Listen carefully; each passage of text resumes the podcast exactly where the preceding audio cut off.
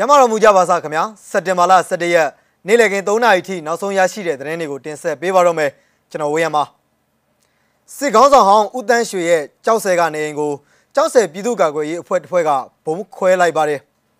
ရွှေဘုံမြို့စစ်ကောင်စီသတင်းပေးတူတနက်နဲ့9ချက်အပြစ်ခံလိုက်ရပါတယ်နောက်ထပ်မြတလွန်ဖရားအနီးမှာရှိတဲ့စစ်ဆေးရေးဂိတ်အတိုက်ခိုက်ခံရပြီးစစ်သား3ဦးဒဏ်ရာရရှိတယ်လို့သိရပါတယ်ဒီသတင်းတွေနဲ့တူဒီကနေ့နေ့လယ်ပိုင်း3နာရီထိ နောက်ဆုံးရရှိတဲ့သတင်းတွေကိုတင်ဆက်ပေးမှာပါပထမဆုံးအနေနဲ့တင်ဆက်ပေးခြင်းတဲ့သတင်းတစ်ပုဒ်ကတော့စကိုင်းတိုင်းဒေသကြီးရွှေဘိုမြို့နယ်မှာရှိတဲ့စစ်ကောင်စီသတင်းပေးဆိုတဲ့ဥငွေချိုကိုပြင်စတိုတနက်နဲ့ခုနှစ်ချက်ပစ်ခဲ့တယ်လို့ရွှေဘိုပြည်သူ့ကာကွယ်ရေးအဖွဲ့ကစက်တင်ဘာလ17ရက်6နာရီလောက်မှာထုတ်ပြန်ခဲ့ပါတယ်ပစ္စတိုနဲ့ပစ်ခံရတဲ့ဥငွေချိုဟာဒဏ်ရာပြင်းထန်ပြီးတော့မုံရာဆေးရုံကိုတင်ထားရတယ်လို့သိရပါတယ်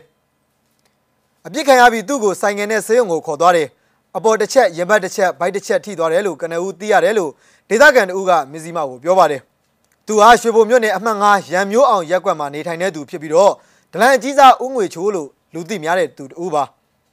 ရွှေဘိုလူထုကိုမတရားနှိပ်စက်နေတဲ့စစ်ကောင်စီခန့်အုပ်ချုပ်ရေးမှုတွေပြူစောထီတွေကိုအမြန်ဆုံးနှုတ်ထွက်ပြီးလက်နက်ချဖို့ရွှေဘိုပြည်သူ့ကာကွယ်ရေးအဖွဲ့ကတိုက်တွန်းထားပါတယ်ဒါပြင်စစ်အာဏာရှင်နဲ့လက်ပါစီအားလုံးကိုနှိမ်နင်းတိုက်ခိုက်သွားမယ်လို့ FIFA Defense Force ရွှေဘိုကကြေညာထားခဲ့ပါသေးတယ်။နောက်ထပ်တင်ဆက်ပေးခြင်းတဲ့သတင်းတစ်ပုဒ်ကတော့မန္တလေးတိုင်းဒေသကြီးကြောက်ဆယ်ခရိုင်ကြောက်ဆယ်မြို့လေစုကုန်းရက်ကွက်မှာရှိတဲ့အရင်တုန်းကစစ်ကောင်းဆောင်ဟောင်းဦးတန်းရွှေနေထိုင်ခဲ့တဲ့အိမ်တော်လို့နာမည်တွင်ပြီးလူသိများတဲ့အိမ်မှာဘုံပေါက်ကွဲမှုဖြစ်ပွားခဲ့တယ်လို့သိရပါတယ်။အခုလိုဖောက်ခွဲလိုက်တာဟာ Dragon ကြောက်ဆယ် Defense Force ကပြုလုပ်ခဲ့တာလို့လူမှုကွန်ရက်စာမျက်နှာကနေတဆင့်ထုတ်ပြန်ထားပါတယ်။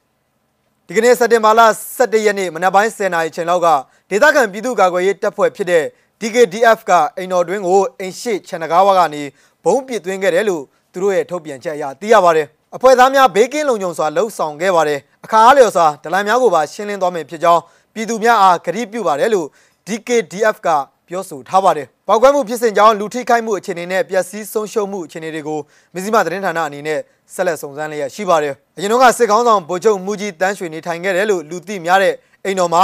စစ်ဘက်ဆိုင်ရာအရာရှိတွေနဲ့ဝန်ကြီးအချို့နေထိုင်ကြကြောင်းဒေသခံတွေကဆိုကြပါတယ်။လက်ရှိချိန်မှာတော့ဘုံပေါက်ကွဲမှုဖြစ်စဉ်ဤတွိုင်းမှာအကြမ်းဖက်စစ်ကောင်စီတပ်ဖွဲ့ဝင်တွေရောက်ရှိလာပြီးတော့စစ်ဆေးမှုတွေလှုပ်ဆောင်နေတယ်လို့ဒေသခံတွေကပြောဆိုကြပါတယ်။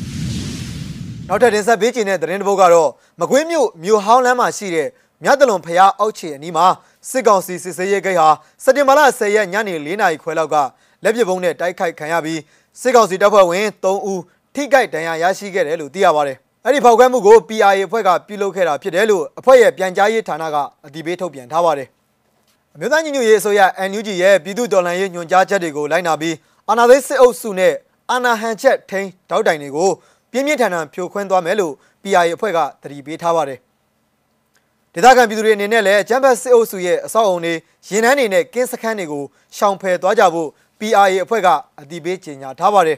။လူလူဒေါ်လာရေးအင်အားစု PRA အဖွဲ့ဟာမကွေးလေတက်စခန်းကိုတရားခွန်မမဒုံးကြီးတွေနဲ့ပြစ်ခတ်တိုက်ခိုက်ခဲ့တာတွေပါဝင်စစ်ကောင်စီရဲ့ရန်ရာထိခိုက်စေမဲ့အခြားလုံခြံဖောက်ခွဲရေးလှုပ်ရှားမှုတွေကိုလည်းပြုလုပ်ခဲ့ကြောင်းထုတ်ပြန်ထားပါတယ်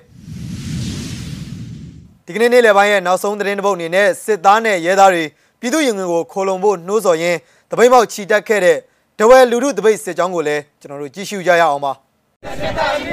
တို့ပြည်သူတွေညီရလားဟဲ့ညီရဟဲ့ညီရဟဲ့တို့တောင်းသားတွေညီရလားဟဲ့ညီရဟဲ့ညီရဟဲ့ကိုတောင်းတွေညီရလားဟဲ့ညီရဟဲ့ညီရဟဲ့ဝေးဝေးဟုတ်ဟုတ်ဆန္ဒဆန္ဒကြောက်ကြောက်အခြေပါပဲအော်မီအော်အော်မီအခြေတော့ပဲအော်မီအော်အော်မီပြည်သူ စစ်သားရဲသားများပြည်သူရင်ပဲခေါ်လို့ကြခေါ်လို့ကြခေါ်လို့ကြပြည်သူရင်ပဲခေါ်လို့ကြခေါ်လို့ကြခေါ်လို့ကြစီရီယာစစ်သားဘတ်တူတော်လဲပြည်သူသားပြည်သူသားစီရီယာစစ်သားဘတ်တူတော်လဲပြည်သူသားပြည်သူသားစီရီယာရဲသားဘတ်တူတော်လဲပြည်သူသားပြည်သူသားစီရီယာရဲသားဘတ်တူတော်လဲစေတော်ဘုခေါ်ရမည်ခေါ်ရမည်စေတော်ဘုခေါ်ရမည်ခေါ်ရမည်